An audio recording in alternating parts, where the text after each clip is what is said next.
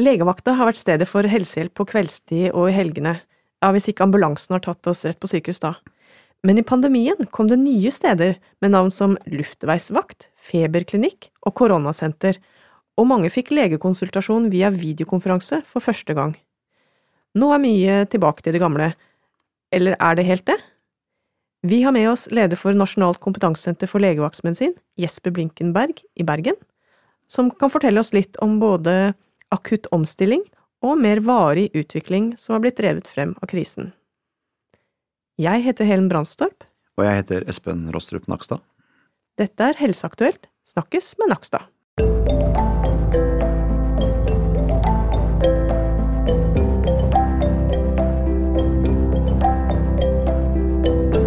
Den her eh, legevaktsordningen vi har uh, i landet, Espen, den er Den, er, den fins ikke i alle andre land. Og, og, jeg tror de fleste av oss har vært innom i egen kommune, eller når vi har vært på ferie, hvis vi har blitt akutt skada, syk og sånt noe. Uh, og den er jo etablert sånn at den skal være nær der folk bor, så liksom det er et mm. kommunalt ansvar. Uh, lavterskel. Du liksom kan gå med nesten hva du vil. Uh, der hvor, men der hvor de ikke har legevakt, det er ikke så utbredt Jeg tror kanskje Sverige til og med ikke har akkurat samme ordningen? Nei, nei, det er veldig forskjellig rundt Europa. I Sverige har du jo vårdsentraler. Mm. Ofte Eh, samlokalisert med sykehus. Eh, du får både de akutte sykehuspasientene i den samme dør, som eh, folk med typiske legevaktsproblemstillinger. Og, og dette er veldig forskjellig rundt i hele Europa, egentlig. Veldig forskjellig organisert. Men i Norge, som du sier, så er det jo dette med å ha et lavterskeltilbud der hvor folk faktisk bor, og hvor man kan få gjort ganske mye, som også avlaster sykehusene, men som blir en slags silingsfunksjon også inn i sykehusene, sånn at uh, de som trenger mer spesialisert behandling og innleggelse, får det, men de som kan returneres hjem etter behandling, får det. Så det er egentlig et veldig godt system, som sliter kanskje mest tradisjonelt sett med, med stabil arbeidskraft og kompetanse og den type ting som er viktig i hele helsetjenesten, men hvor man også har Eh, slått kreftene sammen interkommunalt mange steder også for å få eh, store, solide legevaktsentraler, f.eks. Så det, det, er mye å si om det, men i Norge så har vi i hvert fall det systemet vi har, og det virker som befolkningen er fornøyd med det. Mm. Og legevakta er veldig godt kjent for alle i Norge. Ikke sant. Og jeg må bare si, når du sier slå sammen og lage store enheter, så har jeg en iver for de små. Og vil for eksempel Altså, det er jo ofte når det er langt til sykehus, og det er vanskelig å slå sammen, lange avstander, så ja, la oss ta Vadsø de driver med pressorder, altså, på legevakta. Der driver de omtrent som små intensiv... Ja. Så det, det er veldig forskjell også på hva man eh, Hva geografien tilsier at man må stille opp med, rett og slett. Du kan si Hvis du reiser rundt i Norge og ser på sykehus, hvordan man drifter akuttmottak og avdelinger på sykehus, så er ting egentlig ganske likt, selv om man gjør ting på noe forskjellig måte. Mens i Legevakts-Norge så er det veldig situasjonstilpasset og geografisk tilpasset. Og da blir det som du sier, noen steder må man gjøre veldig mye mer enn det man kan gjøre på en legevakt som ligger vegg i vegg med et sykehus i et stort østlandsområde, eksempel. Mm, det er det. Og vi har altså med oss en, en, som er veldig godt kjent i hele landet. Han er, jeg husker du var på besøk oppe i Nord-Norge, Jesper Blinkenberg, leder for Nasjonalt kompetansesenter for legevaktsmedisin. Det er mange år siden, men uh, du har vært rundt og kjenner Legevakts-Norge veldig godt. Kan ikke du fortelle litt eh, liksom, hva, hva, er oppgavene til en legevakt? Jo, takk for, takk for det. Eh, legevaktene har jo, sånn som Espen eh, forteller her, en oppgave med å eh, håndtere Være et lavterskeltilbud for akutt sykdom og skade i befolkningen. Og Det begynner jo med eh, legevaktsentralene 116-117, der en kan ringe inn og få råd og veiledning Eh, om hva en kan håndtere sjøl, men også hva en kan komme til legevakten og få eh, vurdering og behandling for. Eh, og så er det jo legevaktene som mange kjenner som legevaktlokaler, eller det kan være noen steder er det legekontorene som fungerer som legevaktlokaler på, på kveldstid. Der en kan få vurdering og, og behandling hos lege.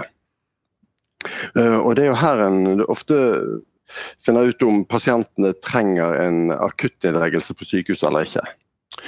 Og så til sist så har også legevakten en oppgave i å rykke ut når det virkelig haster.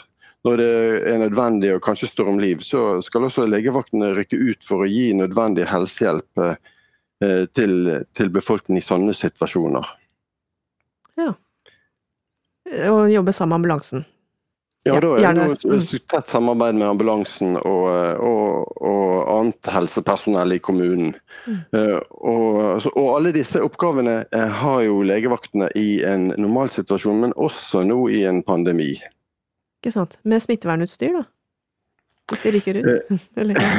ja, Og inn, ja, det, ja. ja, det er jo klart at det, da må en jo eh, ha smittevernutstyr eh, når en rykker ut. og En viktig eh, omstilling har jo vært at en eh, tidlig må avklare hva er egentlig eh, smittesituasjonen i denne akutte i denne aktuelle tilstanden. Er den som pasienten eh, i dette tilfellet, er det en som eh, kan være smittet med covid-19, og, og må en uh, ta hensyn til det, uh, også i undersøkelse og behandling.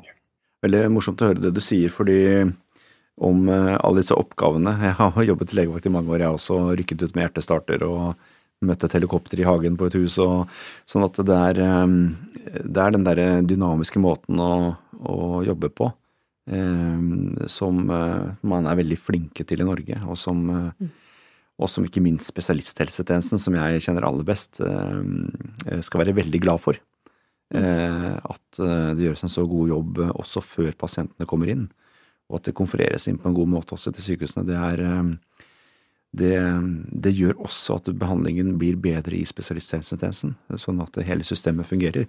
Og den andre enden er jo det som ofte skjer mer på dagtid eh, hos fastlegene.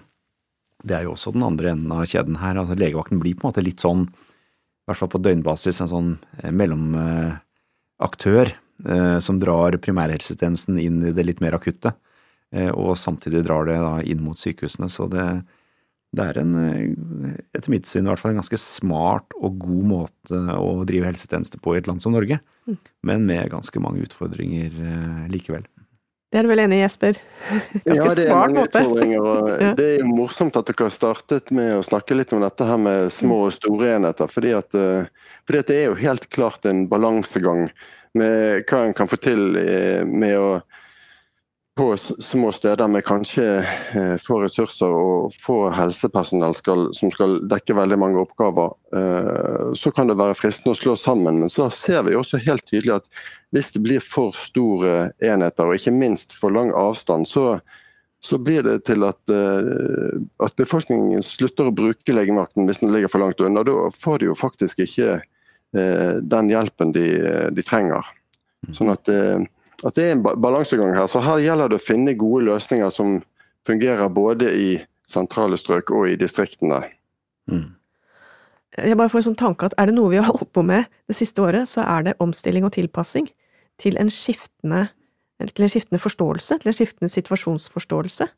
Altså hm, eh, sånn at den sendrektigheten og at eh, nei, sånn har vi alltid gjort det, har liksom fått litt dårligere kår, da. Vi har blitt kjappere. Er det, har det også vært innen legevakt? At dere har eh, kasta dere rundt? Ja, disse her luftveisvaktene og feberklinikk og koronasenter og alt det der er nå i hvert fall kjappe nyvinninger. Ja, Ja. jeg er eh, enig med deg i det. og Det har jo vært eh, fascinerende å, å se hvordan eh, legevaktene har vært veldig omstillingsvillige. Både fordi at de har måttet håndtere først en voldsom pågang rett etter at pandemien kom til Norge, hvor vi så en eh, eksplosjon av henvendelser til, til legevakten eh, og legevaktsentralen. Eh, Og Det er jo fordi at det er der folk er vant til å henvende seg hvis de er syke, eller hvis de er redd for at de kan være syke eller smittet, eller, eh, eller har andre spørsmål om helseting. Så er det første kontaktmåten. Så det var jo en helt eksplosjon før, før en fikk etablert eh, koronatelefonen i kommunen, og- det roet seg litt. Men så har vi sett at eh, når det utover i pandemien har vært eh, lokale utbrudd, så har han hatt litt av den samme effekten på legevaktsentralene eh, der utbruddene har vært. Sånn at Eh, legevakten er en sånn beredskapstjeneste også for, eh, for sånne utbruddssituasjoner. Eh, men også denne omstillingsevnen for å opprette nye tjenester, sånn som du forteller om uh, luftveisklinikker, som, som, det ved mange legevakter har organisert. Men, uh, og, mange steder har også legevaktene vært involvert i utstrakt testing av befolkningen. Og, og, også en del steder oppfølging av koronasmittede. Fordi at på legevaktene der er det noen på jobb hele døgnet. sånn at Sånn at de kan følge opp de som er smittede, men som behandles hjemme på en, eh, på en god måte mange steder. Mm. Det er det kommunale helsehjertet som ikke slutter å slå. Åh. men, det, men, dette var jo, husker jeg, også i starten av pandemien et veldig fokuspunkt på Særlig i mars og april så satt jo veldig mange hjemme med koronavirussykdom. Eh, man fikk jo ikke testa så mange den gangen, sånn at det satt mange mm. hjemme med ganske betydelige symptomer, hvor det var viktig å følge opp eh, i kommunene. Eh, og jeg vet at veldig mange kommuner, også i regi av legevaktene, så hadde man et system hvor man ringte hjem og fulgte opp faktisk folk som satt hjemme. Mm. Vi så at mange ble lagt inn litt i seneste laget noen ganger, mm. fordi de satt hjemme med pusteproblemer og, og, og ventet mm. i det lengste. Så der gjorde også i legevaktene Eh, en veldig god jobb i den fasen. Mm. Ja. ja, det har jo skjedd noe utvikling eh, der, bl.a. at de har eh, flere steder brukt oksygenmetningsapparater til hjemmebruk osv. Og, så videre, og at en følger opp pasientene med, med videokonsultasjoner mm. eh, hjemme. Istedenfor at pasientene skal legges inn eh, i en sånn oppfølgingsfase. Det er veldig viktig å fange opp de som blir akutt dårlig mm. Eh, og trenger sykehusbehandling. Mm. Ja da. Jeg sitter Når du snakker om akkurat det her, så tenker jeg på takk og lov at vi har et sånn virkelig lavterskel, noen steder helt nullterskeltilbud, du kan bare liksom trekke køla opp, eh, for alle. Eh, og jeg, har akkurat lest et intervju i Tidsskrift for Norsk legeforening. Tor Aam sier at legevakt gir et fantastisk overblikk over hvordan velferdsstaten fungerer. Altså, og overblikket kan også si noe om sykdomspanoramaet. Altså, eh, altså, det er et sted som, i tillegg til fastlegene kanskje, da, men kanskje i særdeleshet legevakta, hvor man litt sånn, som er åpen også for nattfuglene, holdt jeg på å si, kan ta pulsen på samfunnet. Vil mm. du kommentere på det, Jesper? Ja, eh, jeg er enig i det. Og jeg syns eh, Altså, jeg tenkte eh, en del på det i, eh, i fjor vår, eh, når, når, pandemien rammet hele samfunnet på mange områder. Så møtte jeg på legevakt også pasienter som hadde ikke koronasykdom, men som hadde mye plager som følge av alt som skjedde rundt. Sant? Som hadde kanskje store økonomiske bekymringer, mistet jobben og mange andre ting i livene som raknet, som påvirket helsen på en på en uh, betydelig måte og ga mye plager uh, som ikke var selve virussykdommen. Så, og Da var jo hele samfunnet veldig preget av det. og Det så vi også på legevakt. Det er en uh, måte og et vindu inn i, inn i samfunnet på som, som, gir veldig nyttig informasjon og en følelse av hva det er som rører seg. Mm. Mm.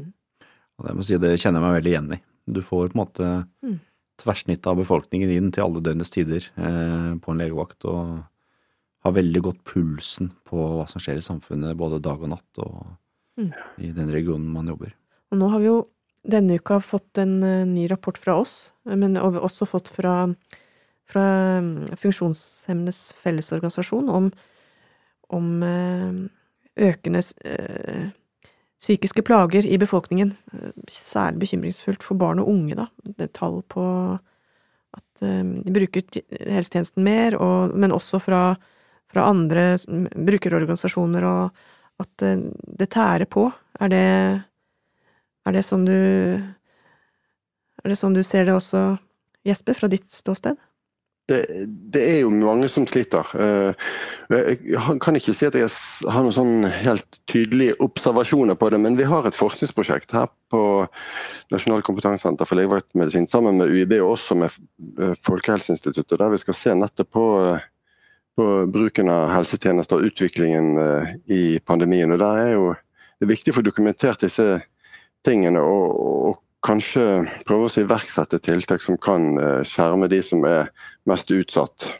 Mm. Og Det vet jo sikkert du Espen masse om hvordan en da skal må vurdere hvilke tiltak en skal sette inn for å hindre smitte opp mot de uheldige konsekvensene av det. Det er jo dilemma på dilemma.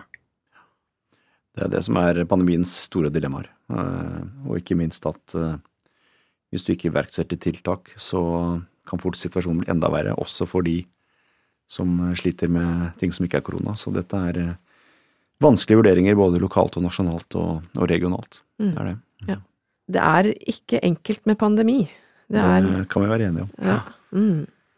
Vi har jo også lært noen ting til, synes jeg, i legevakt og, øh, og sikkert i, i, samfunnet ellers også nå i denne pandemien. Og En av de tingene som, øh, som jeg tror mange legevakter har lært, er at en må øh, trene denne omstillingsmuskelen til hva som er behovene i helsetjenesten. og det der med å, å, at en må kunne øke kapasiteten når plutselig behovet øker i befolkningen. Det ser vi ikke minst på legevaktsentralene, der plutselig eh, de får mange flere henvendelser, og de må, de må, få flere på jobb til å hjelpe å ta telefonen. Og, og da tror jeg kanskje at vi kunne eh, kommunen også kunne bli eh, enda bedre til å samarbeide. Altså Der en kunne se seg for seg eh, muligheter for å samarbeide med flere legevaktsentraler som kunne koble seg sammen i en sånn eh, type eh, backup-ring for for sånn som det er nå i hvert fall, så er det ofte eh, lokalt at det er ekstra stort trøkk. Mm. Eh, og så ser vi også sånn som her på Vestlandet, så, det, eh, så støtter Bergen legevakt nå prøvetaking i Hardanger. og, og At en da finner gode løsninger for å hjelpe hverandre eh, og hjelpe de som har den største trøkken. Mm. Mm. Du er inne på noe der, fordi det er jo ofte sånn disse smitteutbruddene og for så vidt også når det ikke er pandemi, at uh, trøkket blir ofte hardt uh, lokalt, uh, et mm. sted av gangen. Og da er det liksom å kunne hjelpe hverandre, som du sier, på alle mulige måter der hvor trøkket er mindre, eh, og bistå, det, det, ble viktig. Og det så man jo særlig i starten av pandemien på disse telefontjenestene, altså alle informasjonstelefonene og alt. Og nå er det jo sånn at vi har blitt så digitale av oss at smittesporingsteamet i Trondheim kan sitte og hjelpe smittesporingsteamet i Kristiansand, altså ved et smitteutbrudd. Mm. Sånn at her er det jo også ting å lære av, tror jeg, når det gjelder legevaktsmedisin og drift av legevakt. Eh, I hvert fall når det gjelder kriser og ekstraordinære hendelser. da. Eh, hvordan man kan mm. bistå hverandre, kanskje. Ja, det var en interessant tanke, Jesper. At, eh, for legevakt var jo tidlig ute. Var det den første interkommunale legevakta i 1999? Interkommunalt samarbeid på legevakt har liksom eksistert Ja, og i gamle dager så var det jo store store områder som samarbeidet, det vet jeg fra Finnmark. Men at dette med å få til læring og, og delt ansvar, da, at det har man mye erfaring med, lang erfaring med, akkurat på legevaktfeltet. Ja, og, så, og eh, sånn som, som, du sier, Espen, så gir det den digitale virkeligheten også nye muligheter. Ja, Fortell om det. Nei, altså jeg tenker på det at En kunne for se for seg at en, eh, at en var flere legevaktsentraler kunne koble sammen i en sånn backup eh, backup-ring f.eks. Og, og, og akkurat på samme måte kunne en jo drive eh, smittesporing og sånt, også i, i større enheter. Eh, der som jeg jobber på å og har legevakt ute på Askøy utenfor Bergen, der hadde vi ca. et år før uh, pandemien et uh, utbrudd av uh, tarminfeksjon. Mm. Som også var en sånn eksplosjon av henvendelser på legevaktsentralen. Sånn at det hadde liksom vært litt gjennom følelsen av et sånt trøkk. Eh, og det tror jeg var litt en fordel når eh, koronapandemien kom. Sånn at det var litt um, øvet på å tenke på at det faktisk kan bli voldsomt mange henvendelser uh, uh, på legevakten. Uh, og da hadde vi erfaring fra at, at, vi fikk henvendelser fra nabokommuner som, som om ikke de hjalp til med å å ta telefonen, så hjalp de til med andre ting med, med, med utstyr og sånt, så, som gjorde at en kunne håndtere situasjonen bedre. Mm. Det er også et godt eksempel på at uh, når større ting skjer, så er jo legevakten de som ofte fanger det opp først. Det har vi jo sett mange eksempler på. Det, mm. Og da er jo det å være et legevaktsnettverk som snakker sammen, ikke minst uh, viktig for å legge sammen én og én. Mm. det, det, er helt klart. Ja. Mm. Og det her med det senteret NKLM, Nasjonal kompetansesenter for legevaktmedisin, dere har jo vært flinke til å bidra til nasjonale møteplasser og konferanser og, eh, og sånn som kanskje etter hvert blir digitale, da. Ja, nå i, eh, i høst så har vi jo måttet gå over til digitale eh, møteplasser og har hatt noen webinarer eh, og, og samlet fagmiljøene. Og det har vært litt sånn eh, både og. sant? For på en måte så har det vært lettere for folk å melde seg på. Sånn at vi har kanskje fått flere deltakere, og sånn sett nådd ut til flere. Og vi har også sett at webinarene istedenfor at det kommer en representant fra eh, en legevakt, så kanskje de viser det på et uh, fagmøte for uh, alle de ansatte. Mm. Så på en måte er det lettere å komme ut, men samtidig så får en ikke denne diskusjonen på tvers i landet som en kan få på sånne fysiske møter. Men vi må vel ta med, eh, ta med noe av det gode med, med, begge. At vi må prøve å, å, å få til eh, begge deler fremover også etter pandemien. Men jeg tror at vi har lært noe om hvordan vi kan nå ut på en, på en god måte til enda flere. Det blir spennende å se om det blir en miks av begge deler etter hvert. og Kanskje er det sånn at noen møtes fysisk, og de som ikke rekker det eller ikke har tid eller veldig lang reisevei, de kanskje kan være med digitalt. Mm. I hvert fall på det faglige. Mm. Så det kan kanskje bli mer sånne hybridløsninger. Det er ikke så dumt, det. Ikke sant. Mm. Streaming. Ja. Mm. Men vi må ha noen kaffeprater. Mm, absolutt. ja, vi må det også. ja, vi må det. Veldig bra. Har du, nå har du sjansen, Jesper. Har du noe du har lyst til å si til de som hører på podkasten, fra ditt ståsted? Ja, jeg tenker det at uh, altså det er jo viktig at legevaktene er til, og at de er der og gir en, en god hjelp til pasientene. For det skal være et lavterskeltilbud for, for befolkningen når de blir syke og skadde. Og det er de enten det er pandemi eller ikke. Og, og det er ikke farlig å ta kontakt med legevakten. Og legevaktene de er eh, interessert i å, å, hjelpe de som eh, trenger det. Og Det er ikke sånn at eh, det nå bare er tid til å eh, snakke med pasienter som eh, har eller kan ha eh, covid-19-sykdom. Det det, er, åpent for alle. og Vi har jo sett at det er ganske stor nedgang i kontaktene på legevakten mange steder. Og har lurt på om det kanskje er noen som ikke har tord å ta kontakt, eller vegret seg for å ta kontakt, enten fordi at de eh, er redd for at de kan bli smittet på legevakten, eller det at legevakten ikke har tid til å snakke med dem. Eh, sånn at eh, mm. det, det, er viktig at folk ikke er bekymret for det. Så, så, kan det også være det at noen er blitt litt mer sånn bedre til å passe på seg sjøl og og kanskje ikke søke hjelp så fort. Og det er kanskje greit, det også. Ja, og så er det kanskje også i tillegg Det er veldig interessant, Jesper. Et siste moment er jo at vi har hatt mindre influensa. ikke sant? Det er kanskje mm. mindre andre luftveisinfeksjoner òg, nå som vi holder ja, avstand nå. ja. ja, det er sant. Vi har lært oss litt hygiene. Ja. ja. Det er jo en del av slikt på legevakt, tror jeg. Ja, og, og jeg syns vi har sett en nedgang i, også i andre ting som ikke er sånn direkte infeksjonsrelatert. Ja.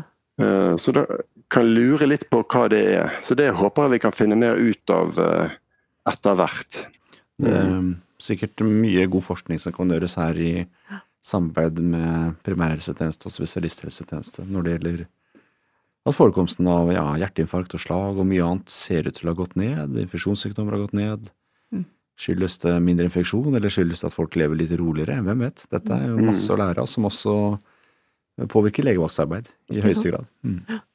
Dere har et godt forskningsmiljø, Jesper, så det er kjempebra at dere er på At ikke det bare blir et sykehusperspektiv på det, men kanskje et felles perspektiv? Ja, det er veldig viktig. Ja, jeg tror det er viktig. Jeg tror det er viktig.